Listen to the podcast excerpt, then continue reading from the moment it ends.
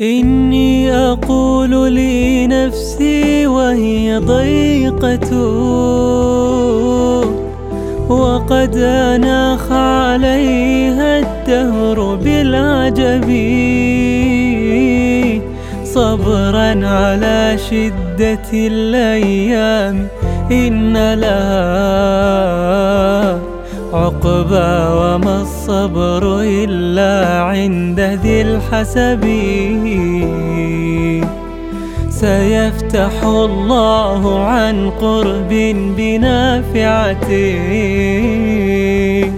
فيها لمثلك راحات من التعب. فيها لمثلك راحات من التعب إني